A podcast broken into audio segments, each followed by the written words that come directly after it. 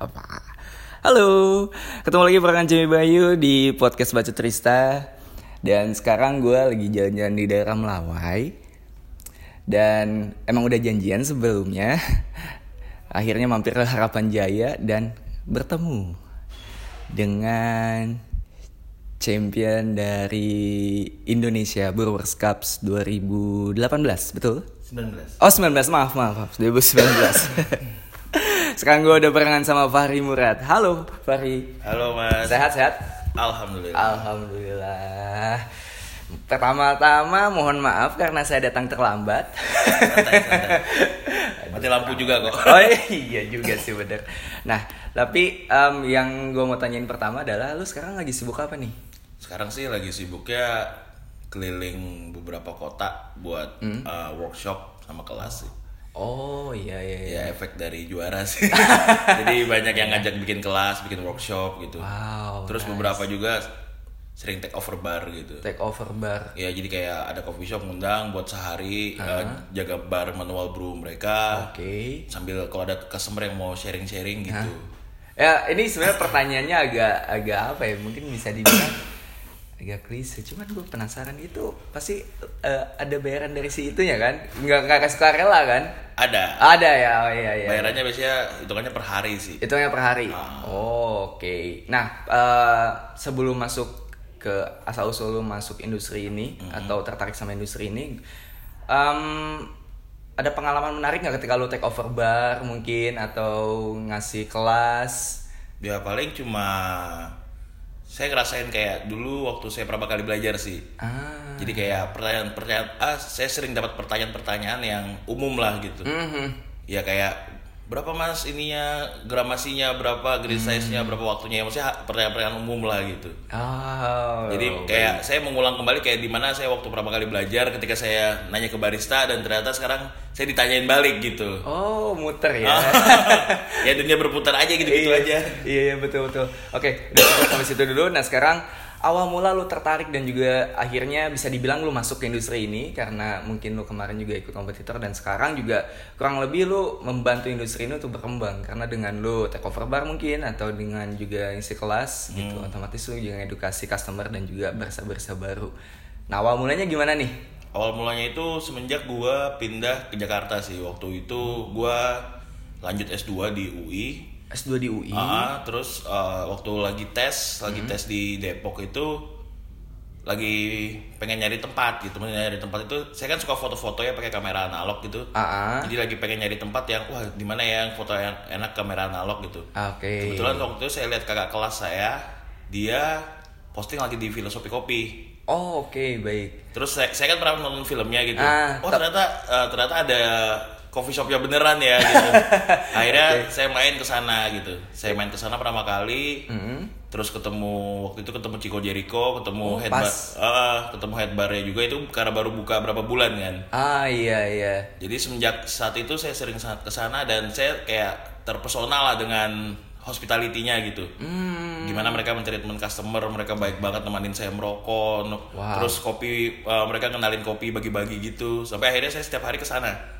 Ah, Nah, waktu itu ada saya waktu itu Minggu pagi ke sana waktu itu mereka masih buka jam 7 pagi itu. mm Ada head barnya dulu namanya Jack. mm Tiba-tiba dia oh, waktu itu saya waktu itu belum terlalu suka manual brew ya. Ah. Tapi tiba-tiba si Jack bilang, "Eh, nih lu coba buat sendiri dong." Itu waktu itu tahun 2015 itu. 2015. Ah, eh lu buat sendiri dong gitu. Nah, di situ pertama kalinya saya pegang V60. Oke. Jadi waktu itu saya, saya ngas, ngasal aja buatnya sih. Iya iya. Ngasal buatnya terus rasanya juga saya nggak tahu ya. Waktu itu kan ka- karena kan eh, dulu minum kopi nggak mikir ya. Ah. Kalau sekarang kan minum kopi mikir gitu kan.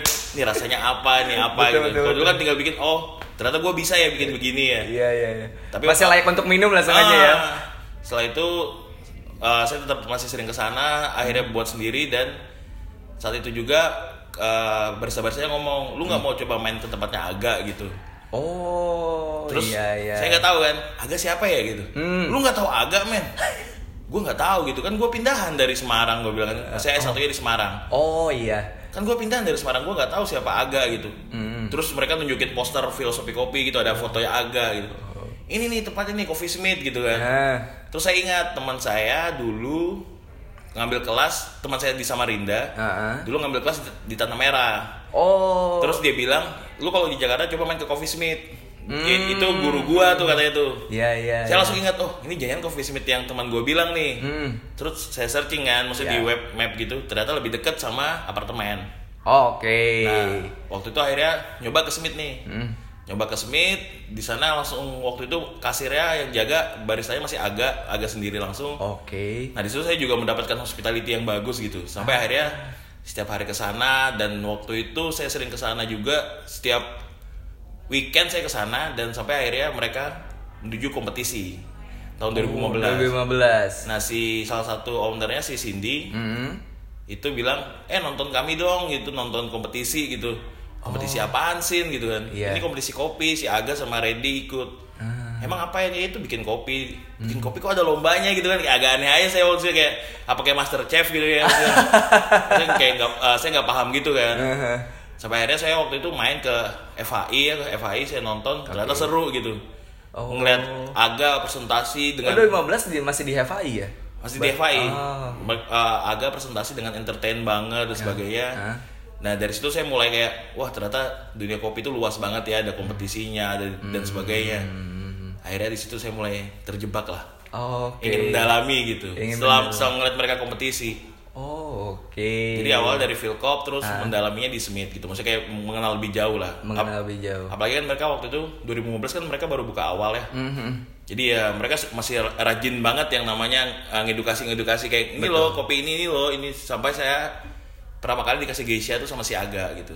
Wow. Nih, ini kopi apa nih? Gue bilang, kok kayak teh gitu kan? Ah, ah, ah. Kok kayak teh botol sosro gitu kan? Betul. Nah. Yang less sugar. ah, ini apaan nih? Ini kopi ini kopi paling mahal nih gitu. Akhirnya di situ gue mulai belajar. Oh. Makanya 2016 itu 2016 awal Januari saya mutusin buat ikut kelas di ABCD. Oh, 2016 Ah, awal. nah dari situ deh aw- semua awalnya masuk ke kopi gitu. Oh. Jadi dari per- dari customer aja pertemanan gitu. Mhm. Ikut kelas itu sebenarnya buat nambah link aja sih. Oke. Maksudnya nambah link itu kayak supaya di APCD kan banyak banget ya orang-orang ya sampai base aja udah 300-an nih. Mhm. Jadi kayak saya ngeliat masuk APCD itu buat nambah temen link aja gitu karena kan mereka yang punya coffee shop juga banyak. Ya. Nah itu saya sering kelilingin dulu. Oh, main-main kayak gitu ya. Ah. Nah, em, yang menarik di sini adalah alasan lu ikut kelas di ABCD. Apakah itu menjadi alasan lu untuk mau ikut kompetisi? Jadi lu masuk ABCD karena oke gue mau ikut kompetisi nih. Kayaknya gue Oh, harus masuk kelas. Oh enggak. Karena yang link itu tadi. Karena sebenarnya ikut, ikut ABCD itu berapa kali? Karena pengen tahu aja sih, maksudnya basic-basic ilmu Oh. kopi waktu itu kan juga. Karena cuma sharing doang juga ya Ah. kalau di Smith, di Karena waktu Philcop. itu juga uh, gua kuliah cuma Kamis Jumat Sabtu.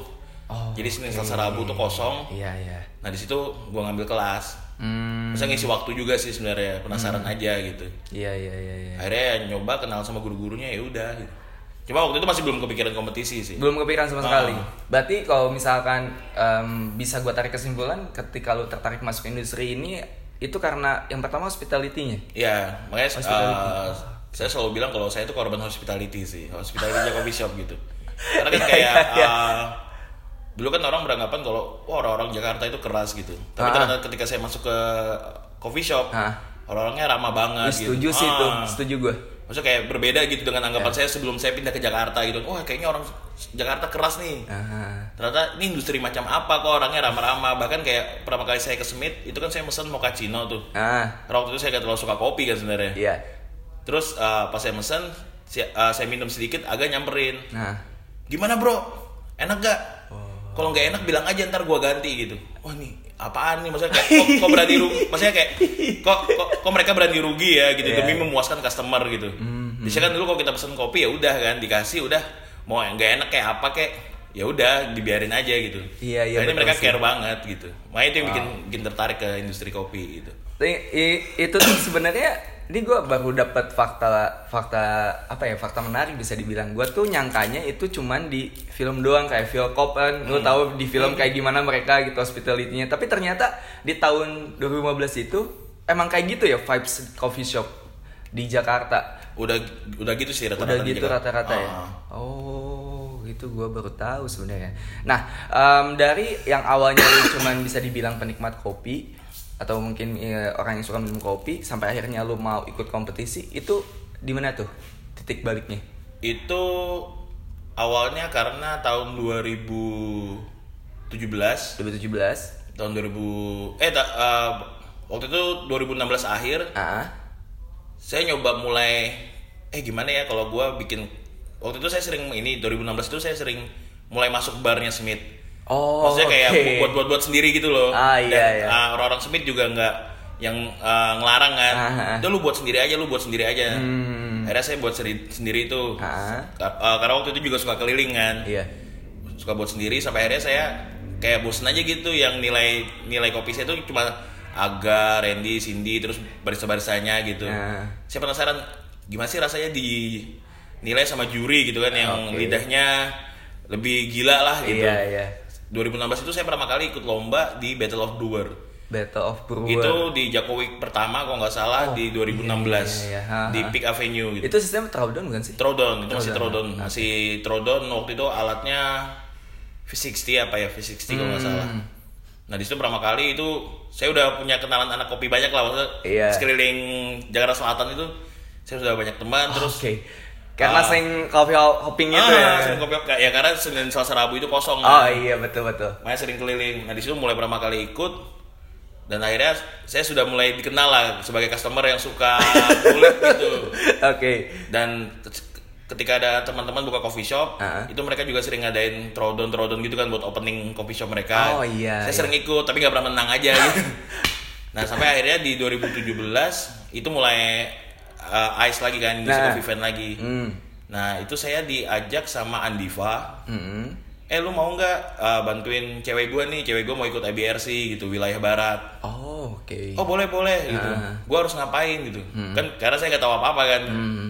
Eh, lu harus ini aja nemenin dia ngeliatin eh, ngeliatin presentasinya dia gimana ngecek kopinya gimana gitu lu yakin gini kan gua belum masih belajar nggak apa-apa lu sekalian belajar juga gitu Oke. jadi saya bantuin pacarnya si Andiva itu namanya Nita Ah, Oke. nah se- sembari membantu Nita itu juga saya setiap hari ke Smith melihat Ah. Randy latihan gitu Oh dan iya iya. saya kan termasuk penggemarnya Randy gitu ya maksudnya Randy itu salah satu role model saya gitu saya senang ngeliat cara dia presentasi gitu Ah. jadi setiap Randy latihan saya lihat tuh, "Wih, keren juga ya lomba IBRC ini maksudnya kayak Iya, mereka uh, presentasi lah Hmm. gimana lah gitu akhirnya dua, uh, saya bantu Nita Hmm. tapi di regional barat tapi Nitanya nggak lolos ke babak nasional Oh. Oke. cuma si Andiva lolos Oh Andiva los. Nah, Andiva di timur waktu Andi, itu. Andiva di timur di Oke. Bali kan Ah. juara dua kan dia Oh iya. tapi ketika di nasional si Andiva ngubungin lagi, Hmm. eh lu bantuin gua ya gitu. Ah. Oke, gua bantuin lu deh. Gua gua lagi seneng-senengnya nih, maksudnya bantuin orang gitu kan. Iya. Akhirnya di 2016, eh, 2017 itu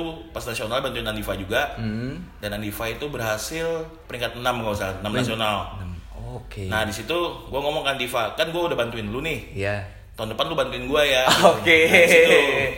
Ya ya Akhirnya ya. 2018 ikut pertama kali. 2018. Tapi di 2017 akhir itu sempat ikut Bandung Brewers. Oh 2017 akhir sempat Ah, ikutan Bandung Brewer. Jadi ah, 2017 akhir itu setelah selesai IBRC Hmm. saya ikut Bandung Brewers tapi nggak lolos. Oh iya iya iya. iya. Gimana pengalamannya ikut yang Bandung Brewers? Karena itu untuk pertama kalinya lu sambil itu udah presentasi kan? Nggak kalau di Oh belum ya? Bandung Brewers itu dulu sistemnya beda dia throwdown dulu. Oh throwdown. Kalau lu lolos dari throwdown 12 besar ya diambil buat open service. Oh oh yang tahun kemarin ya yang open service dari awal Hmm, ya? Yang yang tahun lalu kan open service dari awal. Kalau tahun 2017 dia throwdown dulu. Throwdown dulu ya. Nah di situ saya kan uh, pesertanya 96 ya. 96. Ah, saya peringkat 60 waktu itu. Tingkat 60. Oh. Wow. Pencapaian Tapi yang tetap- lumayan bisa dibilang. 60 mah sampah mas Maksudnya, enam- 60 dari 90 orang kan Iya Sedangkan yang diambil 12 tuh jauh banget Eh, maksudnya kan lu dalam posisi nggak terlalu sering buat ngebar gitu dibandingin sama barista-barista yang lain yang ikutan kompetisi itu, Itu mungkin. Ketika dapat peringkat 60 juga sempat nggak nggak pede gitu kan buat nyeduh Oh ternyata gua nggak jago ya nyeduhnya gitu Hmm. Oke. Tapi si Andiva Waktu itu setelah saya kayak nggak nggak pengen nyeduh lagi gitu Hmm. lu jadi nggak ikut EBRC gue siap bantu nih Hmm. akhirnya semangat lagi gitu Oh, akhirnya oke. ikut lagi Akhirnya ikut lagi lah ya untuk yang di Ah. tahun 2018. Nah persiapan yang di tahun 2018 gimana nih? Em, kalau misalkan kita throwback kan di 2018 lu dapat posisi ketiga ya Ya, di regional barat. regional barat itu sebenarnya dari 2016 Hah? ketika ikut Battle of Brewer itu Hah? Itu gue udah ngumpulin alat. Oh udah ngumpulin alat. jadi kayak dulu gue kerja juga freelance gitu. Kalau ada gaji turun gue beli alat-alat gitu. Hmm, hmm, hmm, hmm. jadi gue mulai beli kettle beli apa. Nah ketika 2017 kan gue ikut Bandung Brewers. Hmm. memutuskan ikut Bandung Brewers itu, itu gue juga eh, nyicil alat juga gitu. Oh, karena kan ya iya, gue sadar gue independen gue nggak ada perusahaan. Iya iya. otomatis gue harus punya alat sendiri gitu kan. Hmm, hmm, hmm. akhirnya gue ngumpulin juga. Sampai akhirnya 2018 itu ikut IBRC itu juga gue masih ada pinjam beberapa alatnya Andiva gitu Oke. jadi alatnya belum lengkap semua kayak gelas dripper apa segala itu masih ada yang minjem gue Hmm. Nah, ini yang menarik di tahun 2018 karena gue sempat eh, nonton presentasi lu yang di final, yang regional barat. Mhm. Gua kalau nggak salah inget ya, itu tuh lu salah sa- satu-satunya finalis yang menggunakan bahasa Indonesia Iya. di final. Dan gua ya karena pakai bahasa Indonesia jadi lebih mudah dimengerti dan gue pun menikmati presentasi lu waktu itu. Nah, gimana proses lu mempersiapkan si presentasi itu sampai akhirnya Jadi Lu di eh, kompetisi. waktu itu ketika gua memutuskan ikut lomba, ah kan gua ngeliat peserta-peserta pakai bahasa Inggris ya. iya kata Eh, terus gua beranggapan kayak ini lomba pertama gua gitu. iya Gua harus tampil eh, sebisa gua gitu. Mm-mm. Gua jangan maksa pakai bahasa yang gua, gak gua kuasain. Mm. Karena bahasa Inggris saya masih jelek gitu sebenarnya. Akhirnya eh, milih pakai bahasa Indonesia dan skripnya itu bikin skrip gitu ya, bikin skrip presentasi itu saya mempelajari dari punyanya si Nita sama punyanya Andiva. Oh, oke Jadi mereka ngomongin apa, Ah. itu saya coba bikin ulang gitu. iya, iya. Terus saya lihat rules dan regulation. Hmm. Rules dan regulation butuhnya apa sih yang diomongin? Nah, di situ saya bikin lagi. Oh, oke ya, ya. Sebenarnya waktu itu simpel sih maksudnya eh, yang tahun pertama itu simpel saya cuma ngejelasin semuanya gitu. Hmm, hmm, hmm. Tapi secara detail aja gitu. Hmm, Dan pemilihan kata-katanya itu cukup formal. cukup formal Karena ya saya basicnya kan anak kuliahan waktu itu kan Iya. S1, S2 gitu kan. Jadi eh, bahasa kuliah saya pak- saya pakai buat presentasi gitu. Nah, soalnya ketika ini agak sedikit susahnya tuh ketika kita eh, menjelaskan dengan bahasa Inggris kan mungkin ya, Ya, lebih- formal informal lebih enak gitu. Ah. Nah, tapi kalau pakai bahasa Indonesia kan kadang aduh takut informal nih masuknya. Tapi kalau terlalu formal juga takutnya terlalu kaku gitu. Tapi yang gue lihat waktu itu adalah lu bawa- pembawanya walaupun pakai bahasa normal, tapi tetap ya enak buat didengar gitu. Eh, kita sebagai yang menempatkan sebagai penonton dan juga mungkin customer waktu itu. Karena juga eh, ya efek kuliah itu ya, Ah. efek kuliah itu jadi kayak pemilihan kata-kata gua Hmm. itu gua cari yang di mana eh, orang awam akan paham. Hmm, oke. Karena kan teman-teman gue selalu ngomong, lo harus beranggapan bahwa juri itu adalah customer Oke. yang nggak tahu apa-apa. Aha. Nah jadi gimana caranya kita ngejelasin yang hal yang rumit nih, Ah. jadi lebih mudah gitu, lebih simpel. Makanya pemilihan kata-katanya saya lebih buat kayak orang-orang awam. Jadi kalau mamanya si uh, juri juri aja yang udah paham nih, Ya. lebih lebih dap- lebih tangkap kan? Iya, iya, betul, Si penonton juga nangkep. Iya, iya, iya, setuju. Karena mungkin udah biasa nulis skripsi sama tesis ya, jadi Iya. udah biasa merangkai kata. Kebanyakan kuliah, Mas. Banyak kuliah. Iya, iya. Nah, sekarang kita maju ke 2019. Di 2019 lu akhirnya menjadi juara IBRC dan mewakili Indonesia ke Boston. Tapi sebelumnya gue pengen ngomongin yang persiapan di Indonesianya sendiri. Itu gimana eh, prosesnya sampai akhirnya lu bisa mendapatkan posisi yang pertama? Itu uh, awalnya gue setelah 2018 kan itu nasionalnya peringkat 8 Ah, ya. Itu gue kayak wah gue harus bisa lebih baik dari ini kalau gue mau ikut lagi gitu Ah. jadi setelah saya memutuskan untuk ikut tahun depannya Hmm. evaluasi evaluasi dari regional sama nasional yang 2018 Hmm. saya kumpulin Oke. saya kumpulin nih saya kurangnya di mana sih Hmm, hmm. customer service kurangnya apa sih bikin kopi kurangnya apa sih nah itu saya perbaiki di 2019 Hmm. dan di 2019 juga saya mulai mencoba merubah bahasa gitu Berubah bahasa. Jadi Oh, pakai bahasa. Inggris. Iya iya. Karena iya. kan saya beranggapan kayak, wah tahun depan nih udah, gue udah tahun kedua nih ikut IBRC, Hmm. harus ada perubahan dong. Iya iya. Belajar iya. bahasa Inggris ah gitu, akhirnya pakai bahasa Inggris tapi waktu itu sempat dua minggu stres kali. Karena uh, ya kan nggak pakai bahasa yang kita nggak sesuai gitu. Iya betul betul betul. Belum dikuasai apalagi ya. kayak saya suka, saya kalau presentasi itu suka permainan intonasi ya. Mm-mm. Dan saya agak takutnya kalau saya pakai bahasa Inggris di uh, presentasi intonasinya nggak tepat gitu. Oh Maksudnya iya. kayak kan kita- cara ngomong kita beda gitu kan. Ah, dengan- ah, dan ternyata masuk-masuk aja sebenarnya. Oh, Walaupun ya sempat stres dulu. Dan itu juga karena saya udah dapat peringkat yang bagus di tahun sebelumnya ya peringkat 8 itu. Hmm. Saya ketika di 2019 mau nyari kopi itu lebih enak.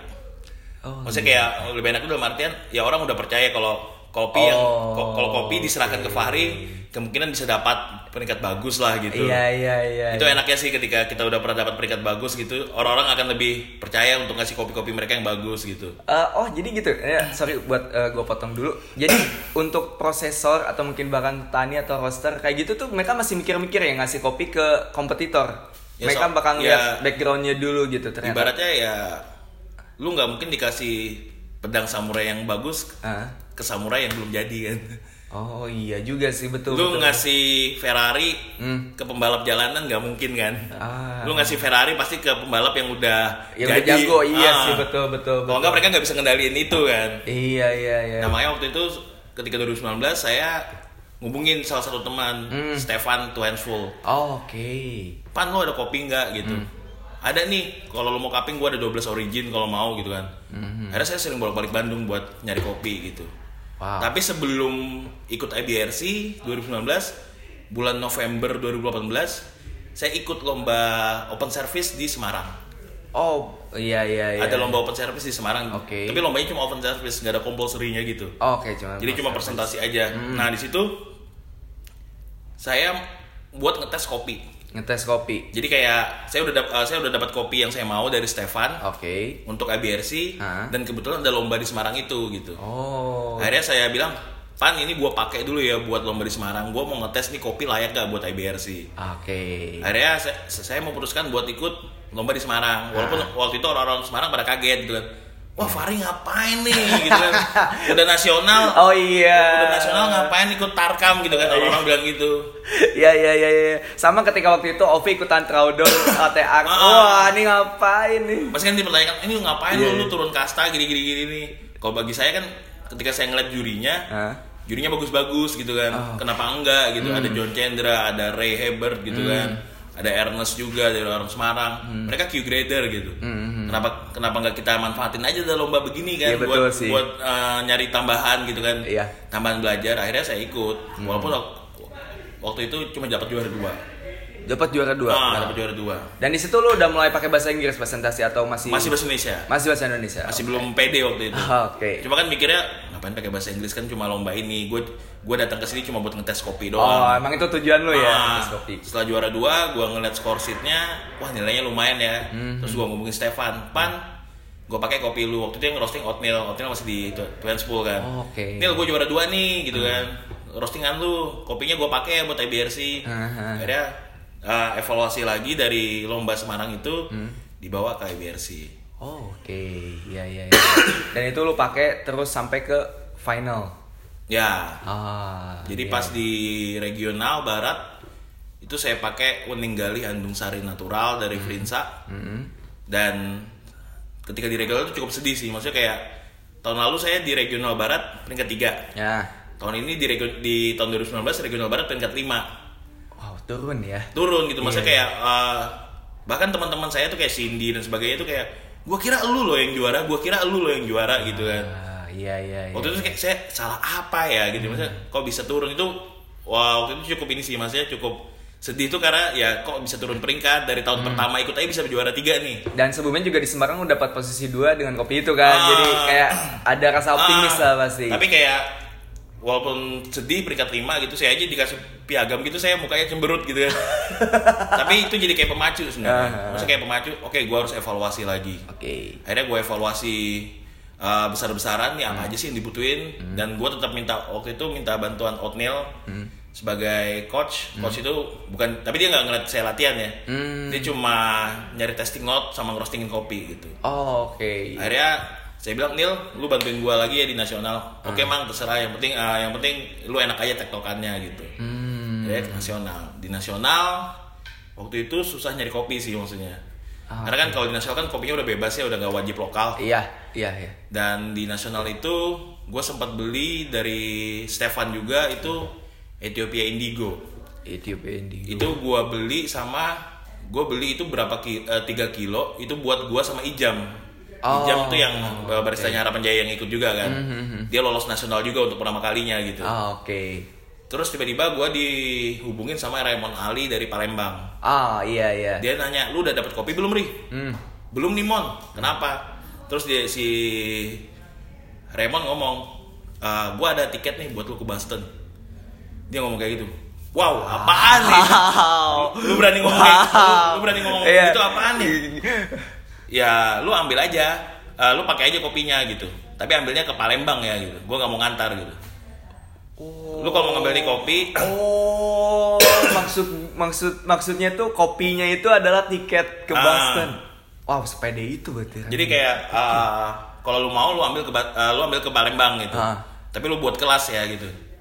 Terus gue kayak gua nggak mau ngambil kalau gua nggak tahu kopinya gitu. Ah. Terus dia bilang Vinca Nuguo gitu. Vinca Nuguo anaerobik gitu. Terus gua pas si Raymond ngasih tau kopinya, gua nanya ke Ijam. Ijam Ah. lu tau Vinca Nuguo nggak? Wah enak banget tuh bang. Culture tuh kopi gitu. Terus gua tanya Otnil. Ah. Nil lu tau Vinca Nuguo nggak? Anjrit. Oh anjrit apaan nih? Maksudnya apa negatif? Itu kopi enak kali gitu itu udah langka banget kopinya gitu. Habis Otnil ngomong kayak gitu, gue langsung buka Traveloka, Langsung cabut. cari tiket ke Palembang. Eh, itu hari Rabu kok nggak salah. Hah? Gue langsung bilang ke si Raymond, Mon gue udah beli tiket hari Jumat, kita Sabtu ketemu ya. Oke. Akhirnya ke Palembang, ambil Vinca Nuguo itu cuma ada 935 gram. 135 gram. 935 Oh, 900, sorry, sorry. 935 Iya. gram. Oke. Iya, Balik iya. dari Palembang ke Jakarta, Otmil waktu itu udah kerja di KLTR. Hmm. Mang ini kopi Nuguo 935 gram, lu roasting pakai Ikawa gitu. Gimana caranya ini kopi bisa uh, bisa kita pakai buat di IBRC nasional. Iya, iya, iya. Akhirnya di profiling tiga kali dapat dap- uh, sudah dapat langsung profiling ketiga. Langsung kami bungkus per 50 gram pakai vacuum sealer Ah. baru di setiap hari dicoba gitu. Tapi t- uh, di keep sekitar 300 buat lomba. Hmm, ya, ya, ya, Sisanya ya. buat latihan. Sisanya buat latihan. Oke. Oh, begitu ceritanya sampai akhirnya lu dapet beans yang ngebawa lu ke Boston. Nah, Iya. di Boston juga pakai beans yang sama atau enggak waktu itu? Kalau di Boston gua pakai beans dari Vinca Deborah. Vinca, oh, Vinca de Soalnya si Nuguonya udah nggak ada lagi. Oh, ya udah habis ya. udah habis terus akhirnya nyari-nyari kopi nggak ada yang tempat yang cocok terus si ini uh, Yosua Tanu Hmm? ngabarin Otnil sa- sa- sama si Daryanto kalau uh, kalau nggak salah Hmm, hmm, hmm. kalau Fari butuh kopi bilang aja gitu nanti kami sediain. Wow. akhirnya kan uh, KLTR sama CG kan sampingan tuh City Walk. Iya. gue jalan sama janjian sama Yos- Yosi. Hmm. jalan kaki ke City Walk ketemu Yosi terus Yosi bilang lu butuh apa? Ini ini ini udah bukan masalah company lagi ini udah masalah lu mewakili negara. Kita udah satu bendera gitu. Lu butuh apa aja lu hubungin gua gitu. Wow, wow. itu banyak banget yang ngomong kayak gitu kayak bahkan Tio Tuku terus teman-teman yang lain tuh lu butuh apa? Lu butuh apa ri kabarin aja kami mau support kok soalnya ini kan lu udah mewakili negara gitu Iya, iya, iya. bahkan eh, yang paling stres kan sebenarnya waktu itu visa ya karena nama saya Muhammad kan ah. itu alhamdulillahnya dibantu sama Mbak Mira itu emang agak susah ya kalau untuk ke Amerika, Amerika Serikat ya dengan, ya dengan nama dengan doang. nama ya? tuh susah Oh, Oke. dan itu dibantu Mbak Mira waktu itu dibilang Ri lu kan independen Ah. ini gua buatin surat uh, dari bos gua lu diangkat jadi karyawan sementara gitu Wow. jadi uh, Bon Cafe itu sebagai penanggung jawab Ah, iya iya. Wah, gua, uh, gua sampai dikasih rekening korannya Bon Cafe gitu. Terus dikasih surat, ini surat uh, ditandatangani sama bos gua, Bon Cafe. Ini buat uh, ngebantu lu dapetin visa gitu. Jadi di surat itu ditulis bahwa Fahri di- diangkat jadi head trainer Hmm. dan kemudian pasti akan balik ke Indonesia karena akan uh, jadi mentraining barista-barista di Bon Cafe gitu. Oke. Jadi kayak Iya, diangkat iya. sementara aja Iya, iya, gitu. iya, iya. Ditulis gajinya berapa, Wah. berapa gitu. Dua digit tuh. Ah. Nggak penting sih ini pertanyaannya. Dua digit, dua Ah, digit. Dua digit. Dan itu ketika diwawancara Hah? surat Bon Cafe itu ngefek banget. Efek banget ya. Makanya pas saya balik ketemu bosnya Bon Cafe, saya bilang Pak terima kasih banyak gitu udah uh, bantu dengan surat. Kalau nggak ada surat itu saya nggak bisa berangkat ke US gitu kan. Hmm. Jadi support tuh banyak banget. Jadi buat yang mau ikut kompetisi, gak usah takut sih. Semua kalian juara terus, wah gimana ya gua, gimana ya gua banyak banget yang mau support sebenarnya. Iya iya. Em, sekarang kita ngomongin soal yang Bostonnya mungkin ya di Bostonnya di Bostonnya ketika di sana pengalaman apa yang lo dapet gitu apa ya kalau di sana sih dapet terus juga vibesnya gimana untuk kejuaraan dunia kalau vibe sebenarnya? sih nah, di sana lebih friendly ya maksudnya lebih friendly friendly. itu kayak sesama peserta itu lebih sharing gitu. Oh, oke. Jadi kayak peserta itu bikin kopinya masing-masing terus dibagiin ke sesama peserta gitu. Oh. Suruh nyobain kopinya. Eh lu cobain kopi gua dong lu cobain kopi gua dong evaluasi gimana gitu. Ah. mereka lebih ke arah situ. Jadi kayak aura kompetitifnya sebenarnya nggak Kecil terlalu, ya? nggak terlalu kental. Nggak ter- kayak ah. nggak terlalu kelihatan tuh walaupun sebenarnya kelihatan di panggung tuh semua orang pengen menang gitu ya. Ah, iya, iya. cuma di backstage itu kayak sharing aja gitu. Eh ini alat apaan nih? Baru ya? Ini apa nih? Ini apa nih?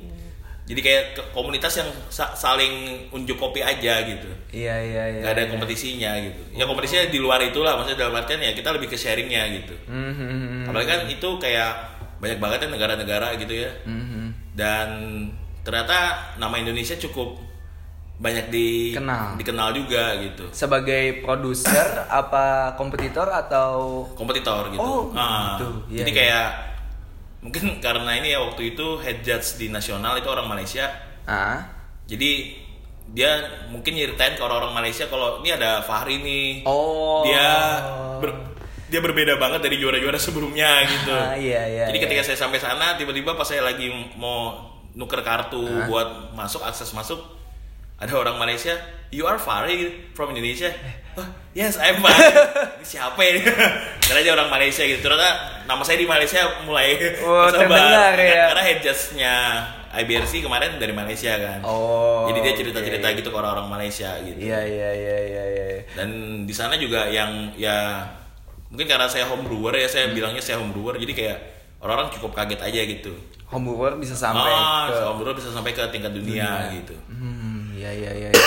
Nah, terus em, selain itu waktu kompetisi di sana so far so good maksudnya nggak ada kendala teknis dan lain sebagainya.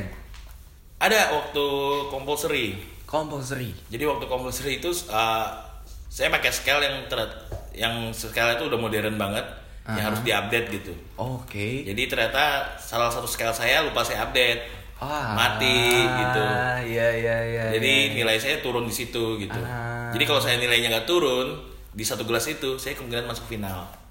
ah. Cuma ya, shit. ya kita kan nggak tahu ya, maksudnya kayak Iya, di iya. perlombaan itu kita udah latihan kerja keras, tapi kita nggak tahu shit happen-nya kan. Gitu. Iya iya betul betul. Dan betul. itu ya siapa tahu itu mungkin mungkin jadi kayak penanda ya, lu harus kerja keras lagi tahun depan gitu. betul betul sih. Gak masalah sih, maksudnya kayak saya sebenarnya udah ketika itu rusak, wah udahlah peringkat 30-an nih, Hmm. malu nih. Ternyata dapat peringkat 11 ya lumayan lah gitu. Iya iya iya. Ternyata ya banyak orang juga yang belum tahu mungkin kenapa lu bisa dapat peringkat 11. Ternyata Ah. di compulsory ternyata ada masalah teknis. Ah. Soal karena itu penting banget ya tuh. Kalau tuh kalau tuh ya presisinya kan di situ ya. betul betul betul betul. Gak mungkin lu main feeling ah ini udah Oh. segini lah. Dan di waktu di sana lu berarti ketemu banyak barista dari luar. Banyak banget. Dan ada nggak yang menurut lu kayak menarik untuk kayak wah ini seru nih sharing sama Ada si Michael Manhart, dia itu peringkat 4 waktu zamannya Tetsu Oh. juara dunia. Dia peringkat 4. Udah lama ya berarti Ah, 2016. 17. Eh 16 atau 16. Iya. Terus ada si Patrick Rolf Oke. yang juara juara dunia. Iya iya iya iya. Terus ada orang Italia, Hmm. Alessandro Galtieri, dia udah bikin coffee shop dari tahun 94. Wow. Iya, dia dari 94 udah bikin coffee shop dan dia masih ikut kompetisi sampai sekarang. Gokil. Dia cuma berdua sama istrinya dan tua banget, mukanya udah kelihatan banget tua gitu. Tapi dia juara tiga dunia. Gokil. Terus ada ya ada si Shaun orang Malaysia, ada Hmm. Yanina juga orang uh, Ona Australia. Oke. Banyak iya, banget iya. sih. Banyak banget ya. Ah, rata-rata yang bule-bule lah yang berbaur gitu maksudnya kayak beberapa Asia mungkin karena mereka susah bahasa kali ya. Hmm. Jadi mereka kadang-kadang sendirian gitu maksudnya kayak kurang ber- berbaur gitu. Iya iya iya. iya. Sebenarnya kayak yang bikin saya lebih gampang berbaur itu si Otnil. Otnil sama Rian. Oh. Kan saya dibantu Otnil sama Rian kan di Iya, sana. iya. Si Otnil sama Rian tuh gampang banget bisa ngajak ngobrol orang gitu. Oh. Ya karena bahasa Inggris mereka bagus kan. Makanya pede Ah, ya. Sebenarnya kalau saya disuruh bahasa Indonesia aja saya ajak ngobrol semuanya gitu. Itu doang ya masalah di sana kendalanya tuh bahasa. banyak dikenalin juga sama petani-petani yang kayak Jamison yang punya Vinca Deborahnya terus ketemu juga sama yang punya Vinca Nuguo Oh iya iya iya iya. iya. banyak banget ketemu di sana Oh, Oke. Nah, em ngomongin soal kompetisi eh, karena kemarin mungkin di kompetisi dunia tingkat dunia lu dapat peringkat 11, otomatis gue tahu lu pasti ada perasaan kurang puas. Berarti ini tahun depan bakalan ikut lagi nih pasti nih. Tahun depan sih bakalan ikut lagi kalau dapat slot ya. Karena kan di Indonesia sudah dapat slot ya. Tapi target memang pengen ikut lagi juga. Ikut lagi. uh, udah evaluasi juga apa kesalahan dari tahun lalu Hmm. buat diperbaikin lagi tahun ini. Terus sekarang juga lagi ngembangin dripper baru, bikin dripper sendiri sama orang Bandung. Gokil. Semoga itu bisa dipakai gitu. Iya, iya, iya. Dan kemarin juga si Patrick Rolf Hmm. yang dari Swedia itu yang juara dua, Hmm. dia ngubungin saya gitu buat "Ah, lu mau nggak jadi bagian dari April Athlete Team gitu. Jadi kayak dia bikin ah, dia bikin kayak komunitas gitu. Ah. Ah, April Coffee Roaster ini punya dia akan mensupport barista-barista dari berbagai negara gitu buat kompetisi. Oh. Jadi kayak dia bakal ngirim kopi kompetisi, dia bakal bantuin sharing apa pun. Kalau lu mau nanya apa aja, dia bakal jawab gitu. Wah, gokil. Jadi setelah dia baru nawarin minggu lalu, Ah. sekarang udah saya udah masuk, udah masuk juga. Tapi uh, syaratnya cuma saya setiap minggu harus ngirim training log gitu. Training log itu kayak apa sih yang gue lakuin di Indonesia? Ah. Apa aja sih yang uh, kegiatan gue perkopian di Indonesia? Nah itu setiap minggu gue harus ngasih laporan gitu ke dia. Wow, gokil. gokil, gokil. Ya gue sih berharapnya uh, ini bisa ngebantu gue buat di 2020. Hmm, iya iya, karena kompetisinya nanti di tahun 2020 ya. Hmm. Hmm, hmm, hmm, hmm. Jadi kayak ya itu semacam kolaborasi lah. Iya iya. Ya dan diundang sama peringkat dua dunia kan ya lumayan lah kan. So kayak berarti ya gue dianggap lah hitungannya gitu sama dia gitu. Iya betul itu dia. Nah eh, balik lagi ke soal tadi suatu hal yang menarik adalah ketika lu akhirnya mewakili Indonesia untuk kompetisi di dunia dan ternyata lu nggak sendiri ya. Dan itu pun em, yang gue lihat ya itu mungkin pasti kerasa sama Aga waktu di tahun 2018 di mana banyak banget orang yang pengen ngebantu dia. Hmm. Tapi emang emang emang segitunya orang-orang ya, sampai mereka lupa kalau misalkan ternyata kompetitor lah atau lain sebagainya. Selama lu emang udah mewakili Indonesia, ya udah kita pasti ngebantuin dulu. Karena kayak ya bener kata uh, si Yosi kan, Ah. ini udah bukan masalah kompetisi lagi, lu udah bawa nama negara. Dan ini juga bener yang kata Miki bilang, uh, Miki itu ketika ngomong tentang kompetisi dia, Iya. dia selalu menggunakan kata kita. Oh, oke. Ya ya ya, karena dia nggak sendiri. Ah, karena dia nggak sendiri. Ada tim di belakang Ah, dia. Dan kita itu dia juga mere- merepresentasikan Indonesia gitu. Ah. Jadi uh, kemenangan Miki, uh, peringkat gua itu ya sebenarnya punya kita semua gitu. Iya iya. iya. Yang dicapai Trian, yang dicapai sama Restu itu punya kita semua gitu. Ya karena kami yang tanding ya kita muka uh, mukanya negara gitu kan. Hmm. Kita bawa negara juga makanya ibu saya aja waktu itu uh, sebelum berangkat bilang jangan lupa bawa bendera ya gitu. Akhirnya saya beli pin bendera doang. Beli pin bendera merah putih gitu. Iya iya iya. iya. nah em, itu juga yang yang yang yang mau gue tanyain eh, gimana perasaan orang tua ketika akhirnya lu cerita ke mereka, gue mewakili Indonesia nih. Eh, itu sebenarnya berhubungan sama ini apa ya? Ketika gue memutuskan gue ikut kompetisi di tahun 2018 gitu. Hmm. Uh, ya gue walaupun udah udah 25 lah, 25 26 waktu itu kan. Ya. gue tetap ngobrol ke orang tua, boleh nggak gue ikut nih? Kan ini nggak sesuai jalur gitu kan. Saya kayak gue kuliahnya apa, Hmm. uh, kegiatannya apa gitu. Tapi kan uh, orang tua gue kayak ngebebasin aja gitu. Oh oke. Jadi ya kalau kamu senang ya ikut ikutin aja gitu. Cuma kan ketika gue dikasih tanggung jawab kayak gitu, dikasih kebebasan kayak gitu, ya gue harus ngebuktiin gitu. Makanya ketika gue juara nih, aku juara gitu. Ya mereka senang bangga gitu. Ya walaupun kayak ya kalau bapak kan nggak bisa ngeliatin dia bangga ya. Cuma dia kayak seneng aja setiap ada ketemu teman-temannya dia cerita gitu.